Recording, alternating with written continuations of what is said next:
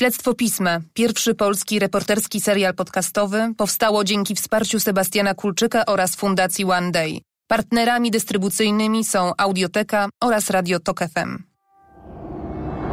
W poprzednim odcinku zaopiekowanie się taką rodziną no jest również e, czynnikiem ochronnym. Ona była jedną z najlepiej uczących się w klasie. Julia całe życie próbowała mnie chronić, żebym ja się nie zdenerwowała, nie wiem, nie płakała, nie była smutna. To ja powinnam. Jak trzeba było przywalić, no to przywaliła. Pamiętam, że była poturbowana, włosy roztrzepane, y, gdzieś y, ziemia na twarzy i tak dalej. Julka potrafiła wsiąść na przykład oso osobą, która ma problem, szanić imprezę, idziemy teraz płakać. No właśnie taka, taka była fajna, taka zadowolona, e, taka uśmiechnięta. Tu tańczyliśmy sobie. Oni czasami chcą o tym mówić, ale też nie wiedzą jak. Że jej kwiatki podlać Jezus. Przyjdzie do mnie, skrzyczy, nie? Oni słuchają właśnie ciężkiego metalu, y, wszyscy w glanach, y, właśnie te Awe Szatan. Ja bym w życiu nie przypuszczała, że ona nie żyje.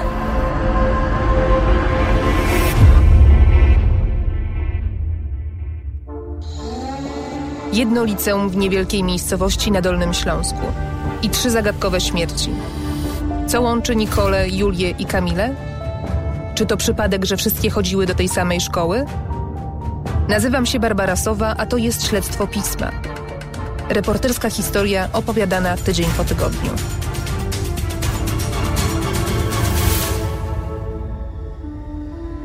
Odcinek piąty. Tajemnica munduru. Jeżeli dopiero zaczynasz słuchać drugiego sezonu śledztwa, wróć do pierwszego odcinka. Tylko tak poznasz głównych bohaterów i w pełni zrozumiesz historię, którą relacjonuję. Imiona niektórych rozmówców zostały zmienione.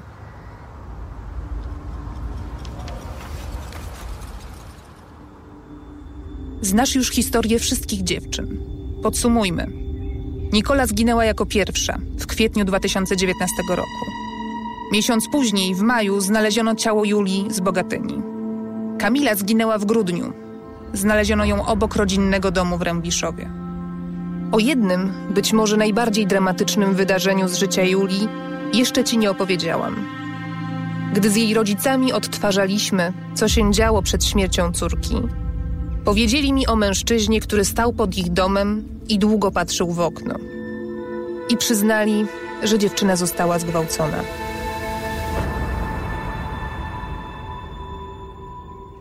Sprawca krótko przed śmiercią Julii wyszedł z aresztu na wolność.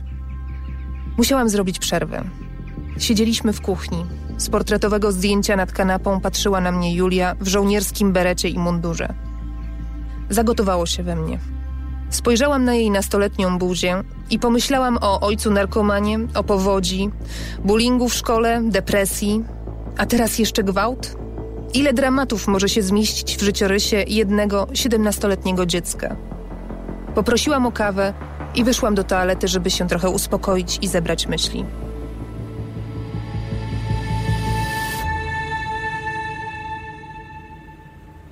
Tragedia Julii rozegrała się zanim poszła do liceum w Lubomierzu. Do napaści doszło w sierpniu 2018 roku w Gdyni. Julia odwiedzała rodzinę nad morzem. Czytałam akta tej sprawy, ale postanowiłam, że nie będę ci opowiadała szczegółów. Ważne, że szybko aresztowano domniemanego sprawcę, Dariusza K., bezrobotnego 47-latka, żona tego, ojca dwóch dorosłych synów. Mężczyzna został oskarżony o rozpijanie osoby małoletniej i seksualne wykorzystanie bezradności lub niepoczytalności innej osoby. Od rzecznika prasowego Sądu Okręgowego w Gdańsku, Tomasza Adamskiego, wiem, że termin rozprawy pierwotnie wyznaczony na marzec z powodu pandemii odwołano. Kolejna, wrześniowa rozprawa została odroczona w związku z, tu cytuję, koniecznością kontynuowania postępowania dowodowego. Najbliższa rozprawa planowana jest w grudniu. Zamierzam się jej przyglądać także po zakończeniu śledztwa. Dla historii, którą Ci opowiadam, ważne jest, że pod koniec lutego 2019 roku, czyli dwa miesiące przed śmiercią Julii, Dariusz K. wyszedł z aresztu. Zarządzono dozór policyjny i zakaz kontaktowania się z dziewczyną. Ona się dowiedziała, bo do mnie z sądu zadzwonili. Więc ja jej zaraz na Messengerze e, napisałam, żeby uważała, z kim się kontaktuje, bo to wszystko będzie sprawdzane i w ogóle. E, o co mi chodzi? A ja mówię, że on wyszedł, że ma zakaz jakikolwiek kontaktu z nim i on z tobą. Jak e, e, się dowiem, że tego, to trzeba to zgłosić sprawę na policję. No i ona już nie chciała więcej tego. Mówi, ja nie jestem taka głupia, za kogo ty mnie masz? To mówiła mama Julii. Przyznała też, że córka bała się tego mężczyzny. Czy śledczy sprawdzili alibi napastnika? Czy w dniu śmierci mógł być w okolicy i mimo zakazu nawiązał z nią kontakt? Po długim oczekiwaniu i interwencjach wreszcie dostałam jednostronicowe pismo sygnowane przez Roberta Zagórskiego z prokuratury rejonowej w Zgorzelcu. Napisał, cytuję, że nie zdołano ustalić motywu działania pokrzywdzonej, jak również powiązać jej śmierci z osobą Dariusza K., czyli mężczyzny oskarżonego o wykorzystanie Julii. Nic więcej. Nie dostałam zgody na wgląd do akt. Nie wiem więc, czy i w jaki sposób policjanci sprawdzali jego alibi. Z pisma wynika jedynie, że prokuratura przeanalizowała połączenia oraz SMS-y wysyłane w dniu zaginięcia i śmierci Julii. Ustaliła, że Julia odkąd wyszła z domu nie odbierała telefonów i nie odpisywała na SMS-y. Wyjątek stanowi kilkusekundowe połączenie ze znajomą. Jedyne przychodzące połączenia i SMS-y pochodziły od matki. Czy prokuratura sprawdzała inne komunikatory? Nie wiem. Rodzice do zakończenia prac nad śledztwem nie odzyskali jej telefonu.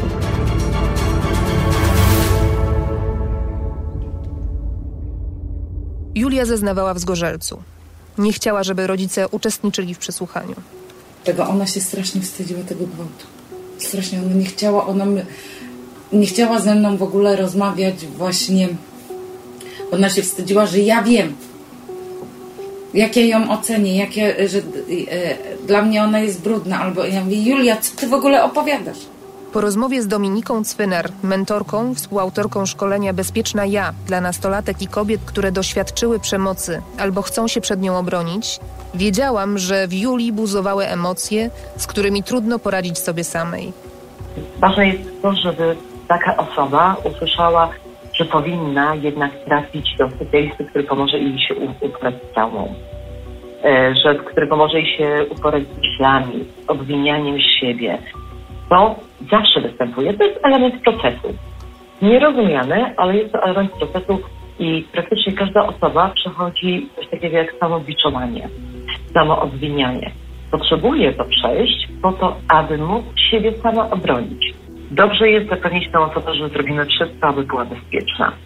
Bo poczucie bezpieczeństwa to jest najbardziej wtedy zagrożony taki obszar, to jest najbardziej rozszarpany obszar, E, dlatego że w zależności od tego, jak to się wydarzyło, to przenosi się to również na inne obszary życia. Julia nie chciała rozmawiać z rodzicami o tym, co się wydarzyło. Nie wiem, jaką pomoc poza lekami wyciszającymi, o których wiedziałam od jej mamy, zaoferowała jej psychiatra. Wiem, że zwierzyła się przyjaciółce i chłopakowi. Tak, bardzo często dużo bliższą osobą dla takich e, nastolatków jest przyjaciel, przyjaciółka, koleżanka, tego względu, że rodzice zawsze zareagują emocjonalnie. Na coś takiego nie da się zareagować nieemocjonalnie. To jest potworna krzywda, e, która, która dzieje się dziecku, więc w rodzicach pojawia się mnóstwo emocji, których oni też nie są w stanie na początku ukryć. Jak pomóc nastolatce, która doświadczyła tragedii? Zdaniem Dominiki Cwynar, oprócz mądrego wsparcia i wzmacniania poczucia bezpieczeństwa, ważny jest przekaz. Cokolwiek się nie stało, to nie musi decydować o Twojej przyszłości, zaważyć na reszcie Twojego życia. Dominika Cwynar pochodzi z Dolnego Śląska, jak bohaterki śledztwa. Otwarcie mówi o tym, że padła ofiarą gwałtu z użyciem środka odurzającego, ale już się z tym uporała. Teraz pomaga innym kobietom wyzwolić się z lęku. Na własnym przykładzie pokazuje, że można. Jeśli, jeśli dobrze do tego podejdą, w przyszłości ich życie może być całkowicie normalne będą mogły nawet o tym zapomnieć. Oczywiście zapomnienie nie oznacza, że coś znika całkowicie z naszej głowy. Zapomnienie w tym kontekście oznacza, że przestanie to budzić nasze takie emocje, jakie budzi w tym momencie. Przyjaciółki i chłopak Julii nie wiązali wakacyjnego koszmaru z jej decyzją o samobójstwie. przekonywali, że Julia zachowywała się tak, jakby już to przepracowała. Z badań wynika jednak, że dzieci, które doświadczyły wykorzystania seksualnego, podejmują próby samobójcze nawet trzy razy częściej niż ich rówieśnicy bez tych doświadczeń. Ryzyko rośnie, jeśli kilka czynników zachodzi naraz. Posłuchaj Lucyny Kicińskiej, ekspertki Polskiego Towarzystwa Suicydologicznego. Doświadczenie przemocy rówieśniczej podnosi prawdopodobieństwo podjęcia próby samobójczej, doświadczenie wykorzystania seksualnego przez osobę dorosłą, e, doświadczenie e, przemocy emocjonalnej e, i doświadczenie zaniedbania emocjonalnego. Najsilniej koreluje zaniedbanie emocjonalne, czyli relacja rodzic-dziecko bądź rodzi, dziecko inny opiekun który buduje w dziecku poczucie bezpieczeństwa i wiarę, że są osoby, do których można się zwracać o pomoc w trudnych sytuacjach. Czy gwałt mógł doprowadzić do załamania u Julii? Czy to możliwe, że dziewczyna przez kilka miesięcy planowała targnąć się na własne życie i nikt tego nie zauważył? Wiem, że w listopadzie Julia napisała w swoim pamiętniku list pożegnalny. Jej mama znalazła go dopiero po śmierci córki. We fragmentach, które czytałam, nie znalazły się żadne wskazówki istotne dla tego śledztwa, dlatego nie przytaczam jego treści.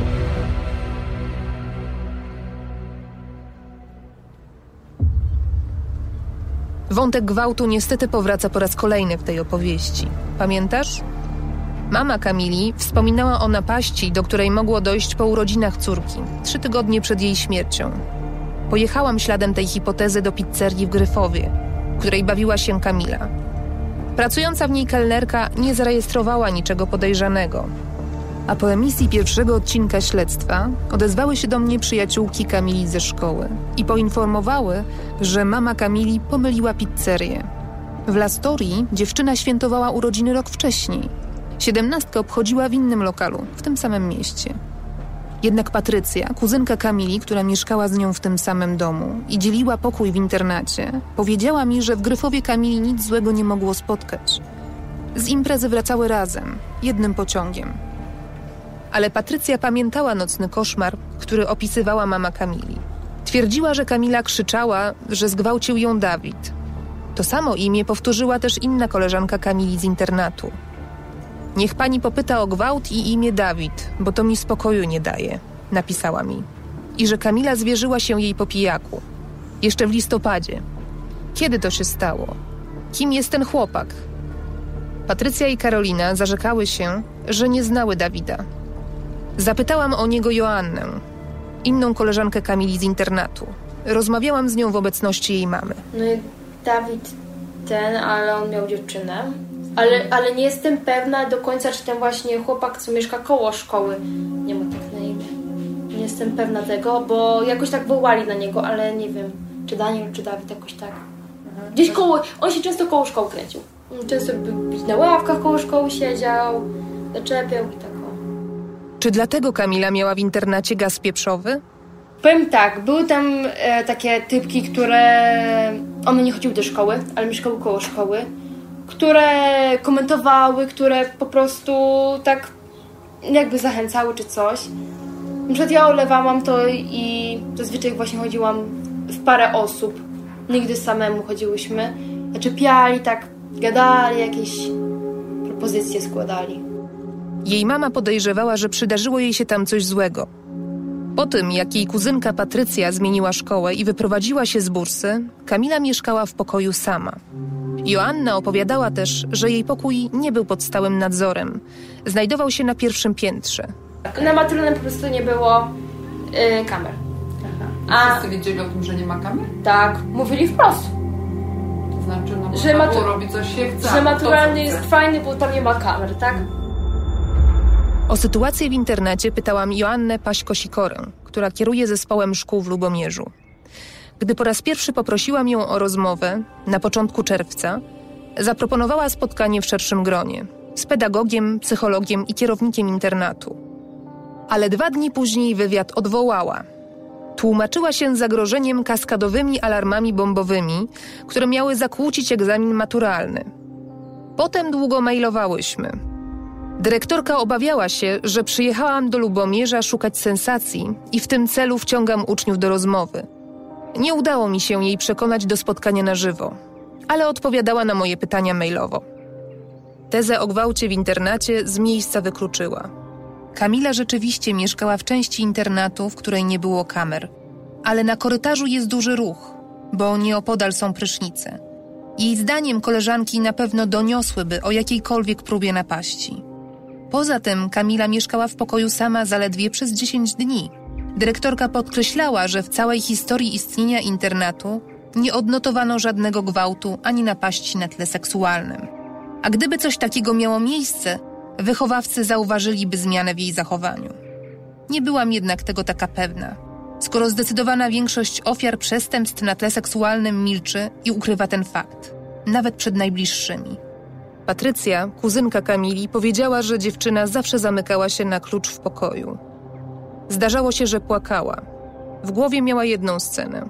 W internacie była jedna taka sytuacja, że do parku tam w Lubomierzu, tam obok idzie taki park i powie, zaczę, zaczęła się tam szykować, malować i powiedziała, że idzie, że za godzinkę wróci, bo jestem z kimś umówiona, tylko nie wiem z kim.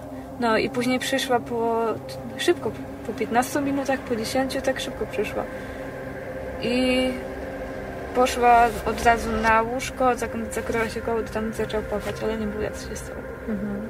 Myślisz, że chodziło o jakiegoś chłopaka? Mm, tak, żeby się spotkać z koleżanką się nie malowała, nie, nie szykowała. Wiem, że ona tam ciuchy wybierała. Się jeszcze mnie pytała i się zaczęła malować, także musiała odchodzić o chłopaka. Mhm. Pani Teresa opowiadała z kolei o randce, przed którą Kamila została ostrzeżona. Mówiłam ci już o tym.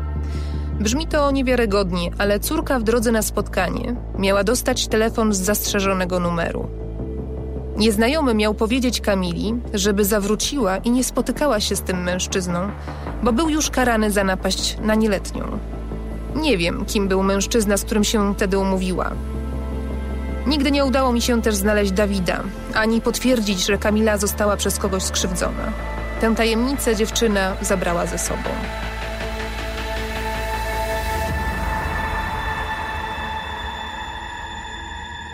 Julia i Kamila były rówieśniczkami. Przyjaźniły się. Obie wybrały klasy mundurowe. Julia graniczno-obronną, a Kamila lotniczą. Wszystkie cztery klasy w ich roczniku, bo były jeszcze klasa policyjna i ogólna, zostały połączone w jeden oddział. Sporo lekcji miały wspólnych. Mieszkały też razem w internacie. Julia w skrzydle B dla dziewczyn, a Kamila w A dla starszych uczniów. Najwyższy czas, żeby opowiedzieć Ci więcej o szkole w Lubomierzu i przylegającym do niego internacie. Gdy po raz pierwszy przyjechałam do miasteczka, szkoła była zamknięta. Zaczynały się ferie, ale internat pozostawał otwarty. Byłam ciekawa tego miejsca. Zwłaszcza, że dzień wcześniej spotkałam się ze Zbigniewem Rodkiewiczem, lokalnym miłośnikiem historii ze Stowarzyszenia Klasztor Lubomierz. To on opowiedział mi o historii tego miejsca. Tutaj przez 700 lat nikt nie mógł wejść. My mamy taki dopiero teraz no, przywilej, taką Internat mieści się w zabytkowym opactwie benedyktynek.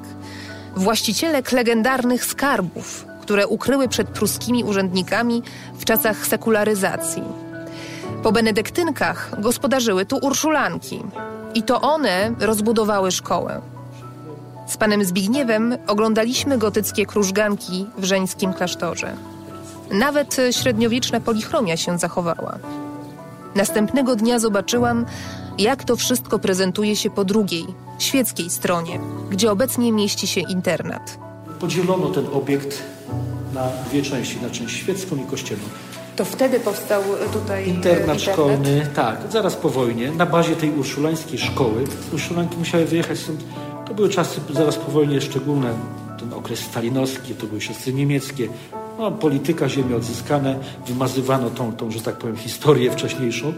Opuściły te urszulanki, ale zostawiły całą tą infrastrukturę szkolną urszulańską. No i na bazie tego stworzono tutaj bardzo znaną później też na wysokim poziomie uczącą szkołę yy, pedagogiczną.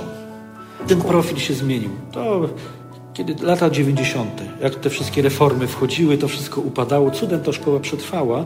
No, zmieniła ten profil jednak, i, ale do dzisiaj tam w tych budynkach dawnego klasztoru, w celach, dawnych celach e, mieszkają uczniowie. Pomysłów na ratowanie szkoły w Lubomierzu w Nowej Polsce było wiele. Strzałem w dziesiątkę okazało się wprowadzenie klas mundurowych, a potem zaproszenie młodzieży z Ukrainy. Pierwszy raz po internacie postanowiłam rozejrzeć się incognito. Wcieliłam się w rolę ciotki, która szuka szkoły dla swojej bratanicy. Minęłam pustą stróżówkę, przez nikogo nie zatrzymywana. Od samego progu budynek przytłaczał. Czuć było ciężar historii. No i nie masz wątpliwości, jaki był wcześniejszy charakter tego miejsca. W środku powitał mnie napis Ora et Labora z namalowanym kościołem i parą zakonników. Zanim dotarłam na ostatnie piętro internatu, do pokoju wychowawcy, pokręciłam się w środku i zgubiłam w labiryncie korytarzy oraz schodów. Czasami wąskich i krętych, gdzie indziej okazałych, granitowych, skutą balustradą. Nad głową miałam zabytkowe sklepienia krzyżowo-żebrowe. Pod nogami wypastowaną betonową posadzkę, która odbijała światło z okien i mozaikę z archaicznych brązowo-beżowo-niebieskich kafelków. Tak relacjonowała Joanna. Moje pierwsze wejście do internatu było wow, zamek. Dosłownie, to było wow, zamek. Pomyślałam, że gdybym zamieszkała tu jako szesnastolatka, to miałabym Pietra. Joanna przyznała, że bała się wychodzić w nocy. Zwłaszcza, że czasem wysiadał prąd. Po prostu jak któraś z nas siada do toalety, to budziła drugą i idziemy razem, nie? Albo zazwyczaj po prostu godzina, powiedzmy 23 szłyśmy spać, to po prostu wszystkie trzy szłyśmy, gęsiego szłyśmy i... Trochę przetrwanie ten internat, wszystko takie, nie? Takie... Nie chodziło się po nocy zazwyczaj. Gdy weszłam do sali z prysznicami, w oczy rzuciły mi się upaćkane farbą kafle, rzędy umywalek i podest. Bez zasłonek, kabin, z drewnianą ławką pod ścianą. Przypomniałam sobie sceny z zakładu Teresy Kotlarczyk. Ten film to przejmujące studium życia w poprawczaku, kierowanym przez diabolicznego dyrektora. Rozpoznałam korytarze internatu, dziedziniec, dziś już porośnięty trawą i zadbany, oraz łaźnie. Tutaj nakręcono krwawą solówę, w której młodzi Paweł Królikowski i Robert Gonera biją się bez użycia rąk, jak koguty. Pani Beata, wychowawczyni, która akurat miała dyżur, powiedziała, że z łazienki korzystają tylko chłopcy, a dziewczynki mają swoje, wyremontowane na ostatnim piętrze. Pokazała mi też jeden z pokojów. Dwa łóżka, jasne ściany, szafa, duże okno po środku. Pokój wyglądał całkiem przytulnie. Dopiero potem dowiedziałam się, że uczniowie najczęściej sami sobie je malowali. I nie wszystkie wyglądały tak porządnie. Pani Beata zapewniła mnie, że wychowawcy mają oko na dzieci 24 godziny na dobę. Wskazała na telewizorki z podglądem z kamer i powiedziała o alkotestach. Bratanica będzie bezpieczna, zapewniła. Gdy zapytałam o śmierci dziewczyn, zbyła mnie, mówiąc, że do tragedii doszło poza internatem. Można żyć, jeżeli nie rozrabiać. Aha. Jeżeli rozrabiasz, tutaj nie Nie jest. Tak stwierdził Maksym, którego zagadnęłam w drzwiach. Opowiadał mi o tym, jak wygląda zwykły dzień w internacie. Pobudka z gwizdkiem o 6.30. O godzinie 8.00 wszyscy muszą wyjść do szkoły. Internat jest otwierany z powrotem między 12 a 13. Wtedy zaczyna się obiad. Potem o czwartej godzinie internet jest zamykany na czas nauk. Maksym opowiadał też, że ostatnio kierownik tak się wkurzył na chłopaków, którzy popili w czasie osiemnastki kolegi, że na trzy dni wyrzucił ich z internatu. Spali po dworcach albo musieli szukać noclegu. Amelia, koleżanka Julii, tak opisywała obowiązujący w internacie system kar. Kazali nam sprzątać e, korytarze, jakieś łazienki i przerzucanie węgla. To ile tego węgla trzeba było przerzucić? Zależy od kary. Najwięcej? Półtora, około dwóch ton. Sama? Nie, we dwie z koleżanką jeszcze byłyśmy. W środku było chłodno. Nie wiedziałam, czy to kwestia temperatury, czy charakteru tego miejsca. Tak wspominała Joanna. Ja, mam, ja miałam pościel zimową i spałam opatulona. Dwa misiek, dwa koce, kołdra i ja po prostu się trzęsłam. I wiecznie tylko, tylko tabletki na gripek stać na to, na to, bo przeziębiona, Tak. bo chora, bo kicha, Ja- bo ja- bo... Co tydzień musiałam brać jakieś tabletki na przeziębienie, bo po prostu mnie łapało 2-3 dni i po prostu leżałam. Dyrektorka przekonywała, że utrzymanie temperatury w przedziale 18-24 stopnie nie stanowiło problemu. A Julia i Kamila mieszkały w najcieplejszej strefie internatu. Uczniowska lista przygan była jednak dłuższa. Joanna narzekała, że internet w praktyce nie działał. Trzeba było mieć swój, mobilny. Wieczorami brakowało ciepłej wody, a łazienki były, jak się okazało, koedukacyjne. Bywało, że jakiś chłopak władował się do środka. No i jeszcze te imprezy. Posłuchaj jej mamy.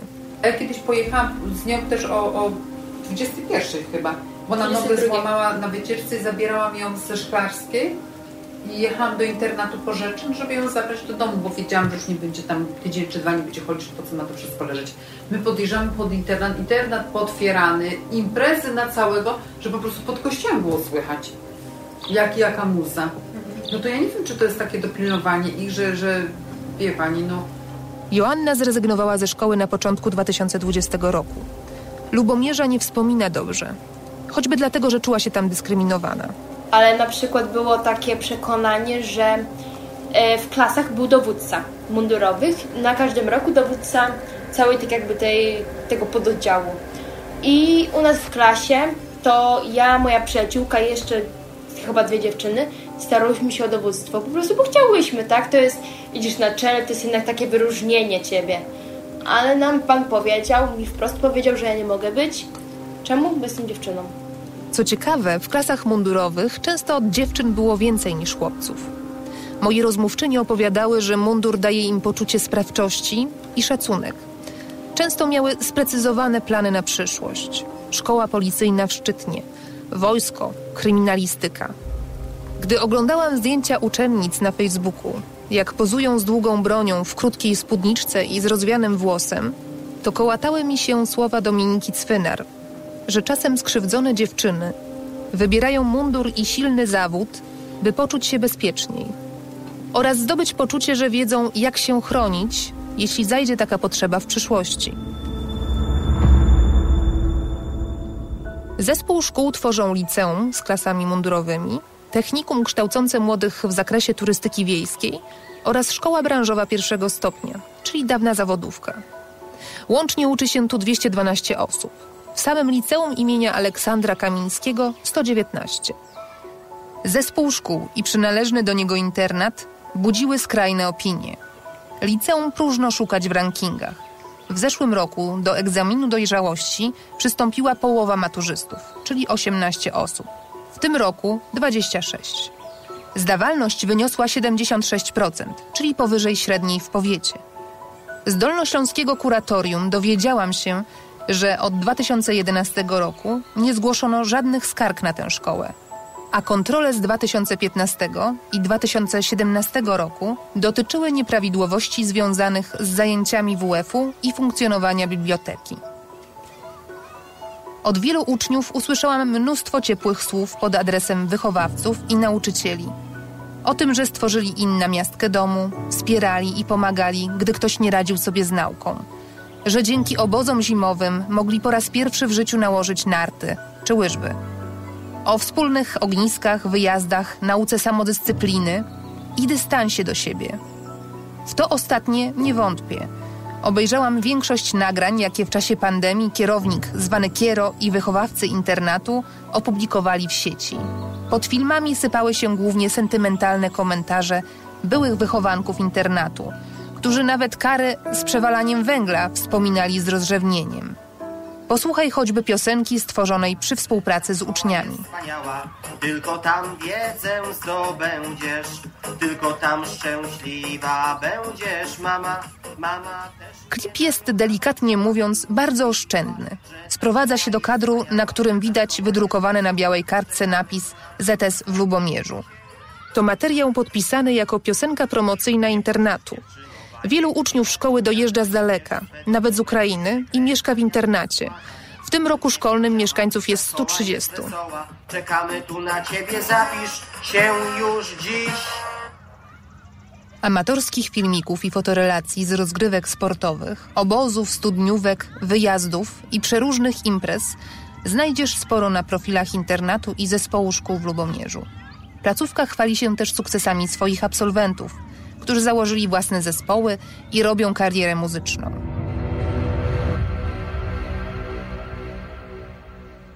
Kamila nie narzekała na szkołę, tylko z matmy jej nie szło. Ale gdy pytałam bliskich Julii, przyznawali, że szkoła rzadko pojawiała się w rozmowach. Posłuchaj jej chłopaka, Jacka. Ale jeżeli chodzi o szkołę, to nawet kurde ciągnięcie za język to nic nie dawało. Po prostu były to tematy, na które nie gadało się. Po prostu Julia nie chciała opowiadać, tak? Dlaczego Tak, nie chciała dokładnie. opowiadać? Co mówiła? Że nie chce rozmawiać, czy że, że, że nie ma tematów? Jak, jak reagowała? No właśnie nie chciała rozmawiać. A chętnie tam jeździła? Niekoniecznie. Miał, miał ogólnie zmienić szkołę z tego co wiem, z koleżanką inną. A dlaczego, dlaczego chciała zmieniać? Nie podobało jej się w szkole akurat. Także na pewno był problem z y, dziewczynami z klasy, y, bo z tego co mi osobiście mówiła, no tam niekoniecznie było, mm, tak powiem, koleżeństwo międzyklasowe. Z tego co wiem, to tam troszeczkę dziewczyny dały Julce popalić, ale ogólnie to nic innego nie mówiła mi. Mama Julii pokazała mi parę swoich rozmów na Messengerze z koleżankami córki ze szkoły i z internatu. Wynikało z nich, że starsze dziewczyny jej dokuczały. Potwierdza to Amelia, koleżanka Julii. Naśmiewały się, wy, wyrywali ją od szmaty i tak dalej przez to jak się ubierała, w sumie normalnie się ubierała, bo chodziła w sukienkach, ale naśmiewali się z niej. To byli ludzie ze starszych roczników, czy kto to był?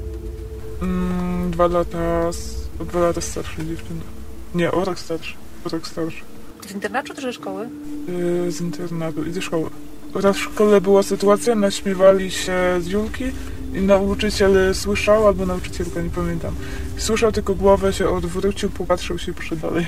Nie zareagował nic. A tam poleciały y, y, takie już konkretne nazwy, wyzwiska, nie? Tak, Mhm. A jak Julka reagowała na to? polewała ich. Nie przejmowała się, bo wiedziała, że gdyby się przejmowała, to byłoby jeszcze gorzej. Dyrektorkę pytałam też o to, czy ktokolwiek z pracowników zauważył symptomy kryzysu u Julii. Odpisała, że śmierć uczennicy była zaskoczeniem dla wszystkich. Julia nie korzystała z pomocy szkolnego psychologa. Nie żaliła się na nic. Była zamknięta w sobie. Uczyła się przeciętnie, ale to nie wynikało z problemów wychowawczych, raczej z nieobecności, których było sporo. Większość usprawiedliwiona. A wyzwiska? Przytyki ze strony starszych kolegów i koleżanek? Dyrektorka twierdzi, że nikt nigdy nie zaobserwował i nie zgłosił, żeby Julia była ofiarą przemocy rówieśniczej. Wręcz przeciwnie. Po tragedii większość prześcigała się w licytacji, kto był lepszą przyjaciółką Julii. Jej śmierć wywołała szczerą rozpacz w klasie i w szkole, co widać było na pogrzebie, napisała w mailu. Od wszystkich słyszałam jednak, że największy problem Julia miała ze swoją współlokatorką z internatu.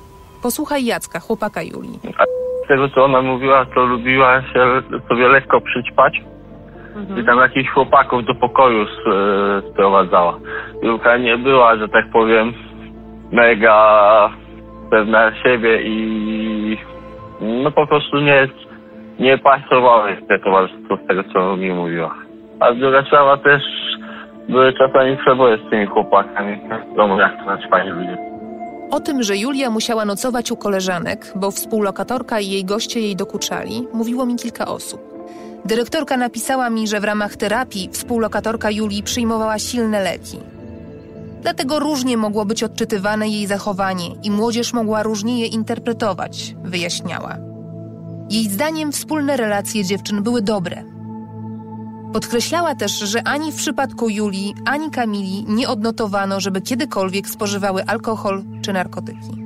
Nie dotarły do niej żadne skargi Julii. Tłumaczyła, że dziewczyny mieszkały razem zaledwie przez kilka tygodni. Współlokatorka trafiła do pokoju po feriach w 2019 roku, gdy rozwiązano tutejszy dom dziecka. Ten sam, w którym mieszkała Nikola. Historia zatoczyła koło, które to już raz w tym śledztwie. Choć Julia i Kamila nie znały się z Nikolą, to wciąż natrafiałam na łączące je wątki. Urok i przekleństwo małej miejscowości. Wszyscy są uwikłani w lokalną pajęczynę powiązań, przyjaźni i zależności. Potrzeba czasu, aby się w tym zorientować i nie wyciągać pochopnych wniosków. Jako osoba z zewnątrz miałam utrudnione zadanie. Ani lokalna policja, ani prokuratura mi w tym nie pomagali.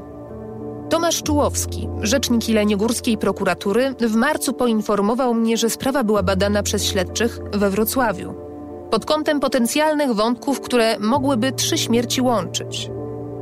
Po ponad trzech miesiącach, w czerwcu, dowiedziałam się, że dochodzenie w tej sprawie, w sprawie ewentualnych związków łączących śmierci trzech dziewczyn, zostało zakończone. Tu cytuję.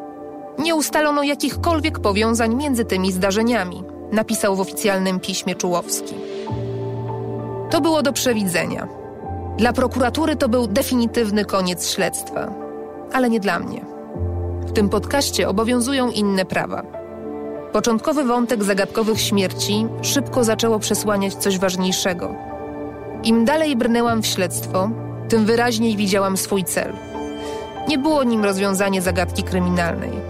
Z każdym tygodniem upewniałam się, że moim zadaniem jest jak najrzetelniej i najszczerzej, jak tylko potrafię, opowiedzieć Ci historię trzech nietuzinkowych dziewczyn.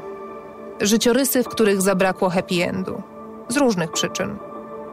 A przez ich postacie opowiedzieć o życiu młodych ludzi z mniejszych miejscowości. O wyzwaniach, przed którymi stają.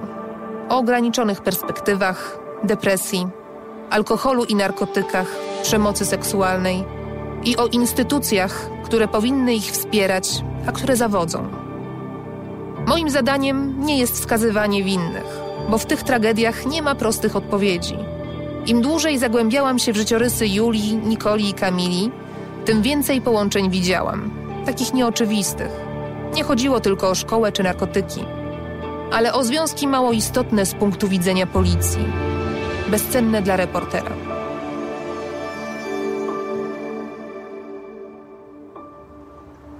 Na stronie szkoły ani na jej profilu facebookowym nie znalazłam informacji o zaginięciu oraz pożegnaniu Julii czy Kamili. Nic, ani słowa.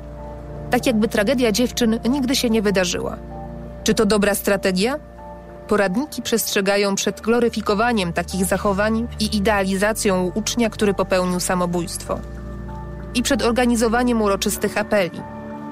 Posłuchaj Lucyny Kicińskiej, ekspertki Polskiego Towarzystwa Suicydologicznego to, co jest niezbędne do zrobienia, to przede wszystkim otoczyć taką pomocą psychologiczną e, tą klasę bądź grupę przyjaciół, jeżeli to są jakieś międzyklasowe też przyjaźnie, e, najbliższych e, uczniowi i przeprowadzić zajęcia po prostu takie mm, bez jakiegoś wielkiego scenariusza, ale takie po prostu informujące, że doszło do e, śmierci samobójczej, że ta osoba nie żyje, że jest nam bardzo przykro, że chcemy podkreślić, że zawsze można sobie poradzić, że to, co się wydarzyło może budzić wiele emocji, że może jest tak, że ktoś wiedział i myślał, że to się nie wydarzy i że my oferujemy tą pomoc i tak naprawdę dać się dzieciakom y, odgadać. Y, oferować należy też y, pomoc po prostu psychologiczną, rozmawiać z wychowawcami i patrzeć, czy nie ma, zobowiązać ich do tego, powiedzieć, na co mają zwracać uwagę, jakie czynniki są, znaczy, na jakie zachowanie mają zwracać uwagę. Też to bardzo ważne jest to, żeby na przykład przez ten, nie wiem, pierwszy tydzień po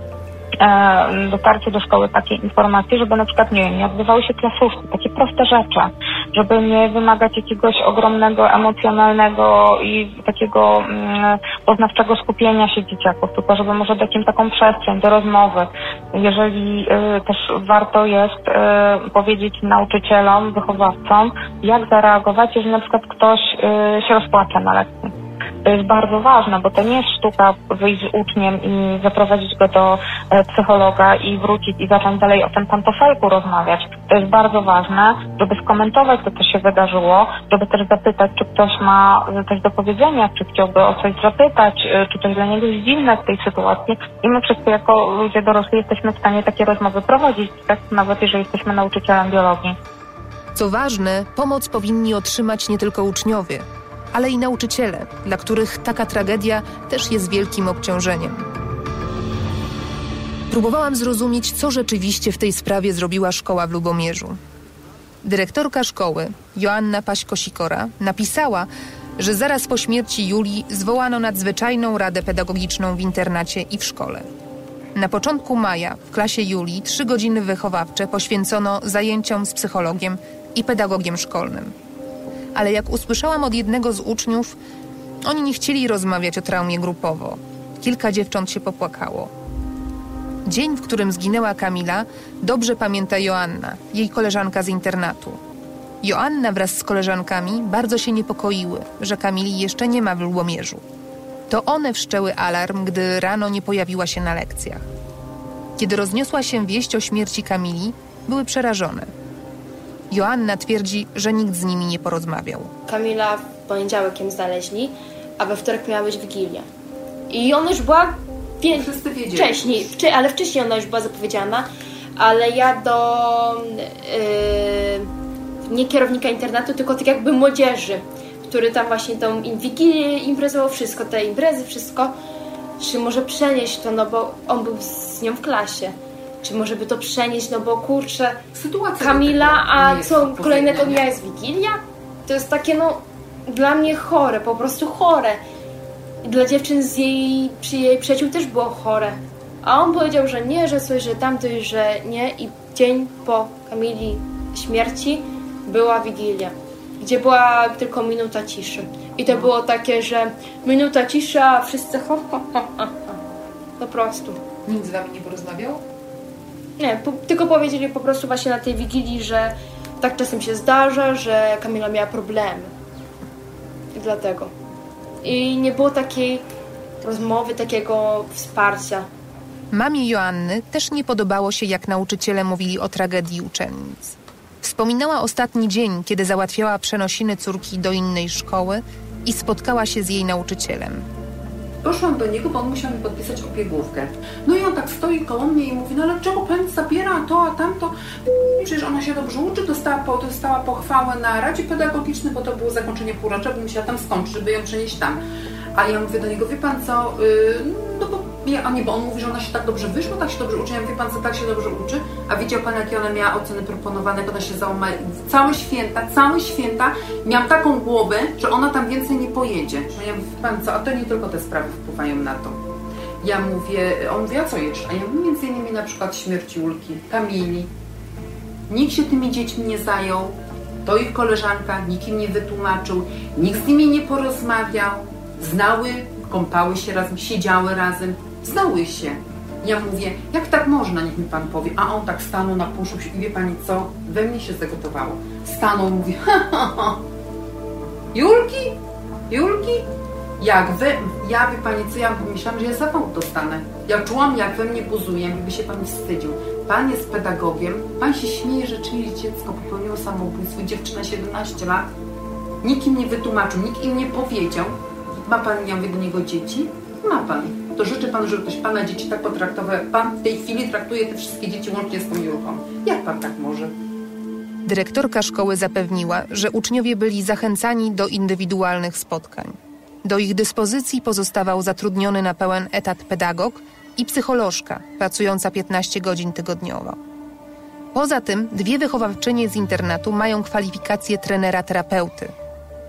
Pisała również, że prowadzone są dodatkowe zajęcia i konsultacje socjoterapeutyczne w ramach unijnego grantu, o który w 2017 roku wystarała się szkoła. W ubiegłym roku uczestniczyło w nich 15 uczniów. Po śmierci Julii szkoła poprosiła też zewnętrzną firmę, by przeprowadziła warsztaty agresja, autoagresja i autodestrukcja wśród młodzieży. Z rozmów z ekspertami, którzy dobrze znają polskie realia i problemy z wdrażaniem działań postwencyjnych, wynika, że w Lubomierzu zrobiono całkiem sporo.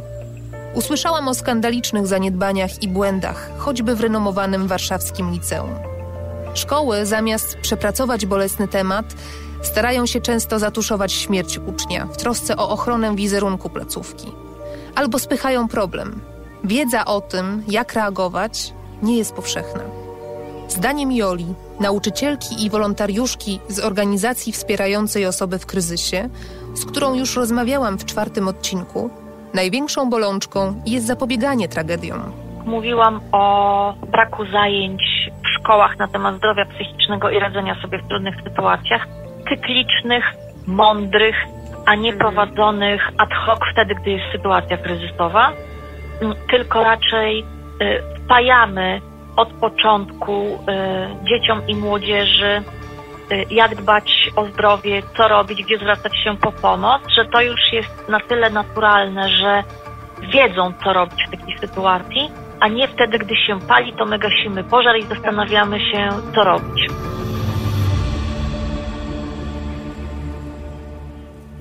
W tym i w poprzednim odcinku opowiadałam Ci przede wszystkim o Julii i Kamili, ale nie zapomniałam o Nikoli, od Roxany, kuzynki Nikoli, z którą spotkałam się w restauracji w Żwówku Śląskim, dostałam znalezione na jednym z dysków nagranie.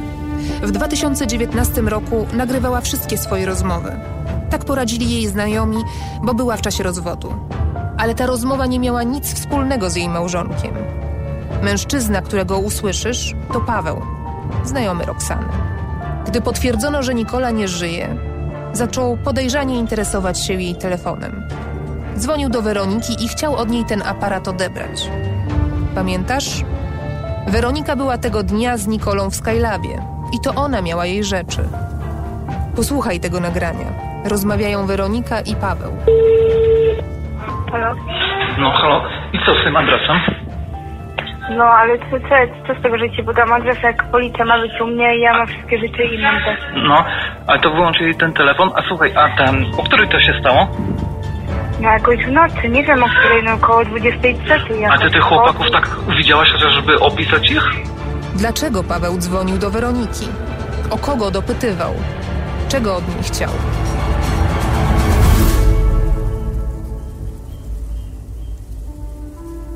O Pawle i o prawdopodobnych przyczynach zgonu Kamili oraz o moich próbach podsumowania tego wszystkiego posłuchaj w ostatnim odcinku Śledztwa Pisma.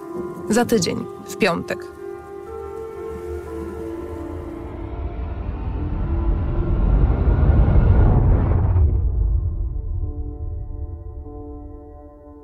Nazywam się Kasia Myciński, prowadzę kanał na YouTubie 50 na pół. Słucham podcastów zajmujących się dziennikarstwem śledczym po angielsku od lat. Cieszę się, że ze śledztwem pisma mam teraz okazję posłuchać ich również po polsku. Ta historia dotyczy osób, które samotnie borykały się ze swoimi problemami. Dlatego podaję numer miejsc, do których ty, ktoś z twoich bliskich lub znajomych może bezpłatnie zadzwonić i poprosić o pomoc albo po prostu porozmawiać. Jeśli zmagasz się z trudną sytuacją, nie wiesz co zrobić, zadzwoń. Podziel się tym, co przeżywasz. Zapewniam Ci bezpieczeństwo i dyskrecję. Pomogli już wielu. Zadzwoń pod bezpłatny numer 800 70 2222 Całodobowego Centrum Wsparcia dla Osób w Kryzysie. Możesz też napisać maila lub skorzystać z czatu na stronie liniawsparcia.pl. Telefon zaufania dla dzieci i młodzieży to 116 111.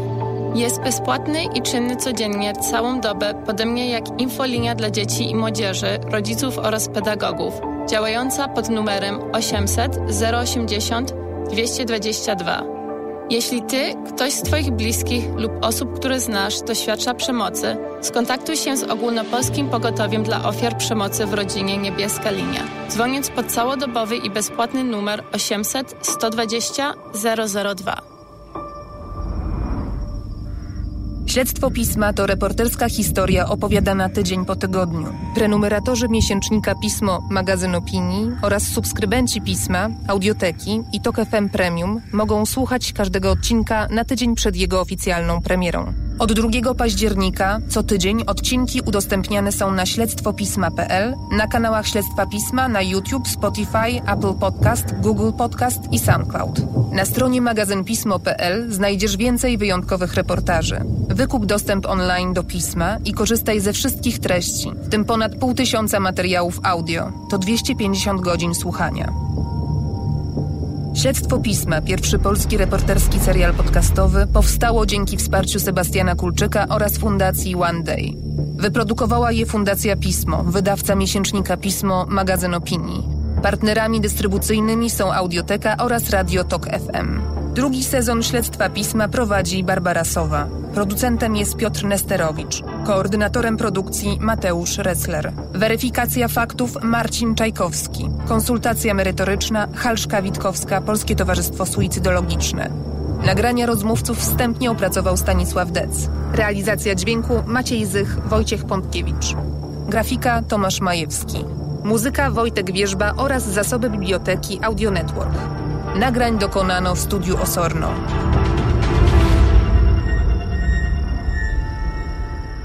Śledztwo pisma wiele zawdzięcza Monice i Justynie. Dziękujemy.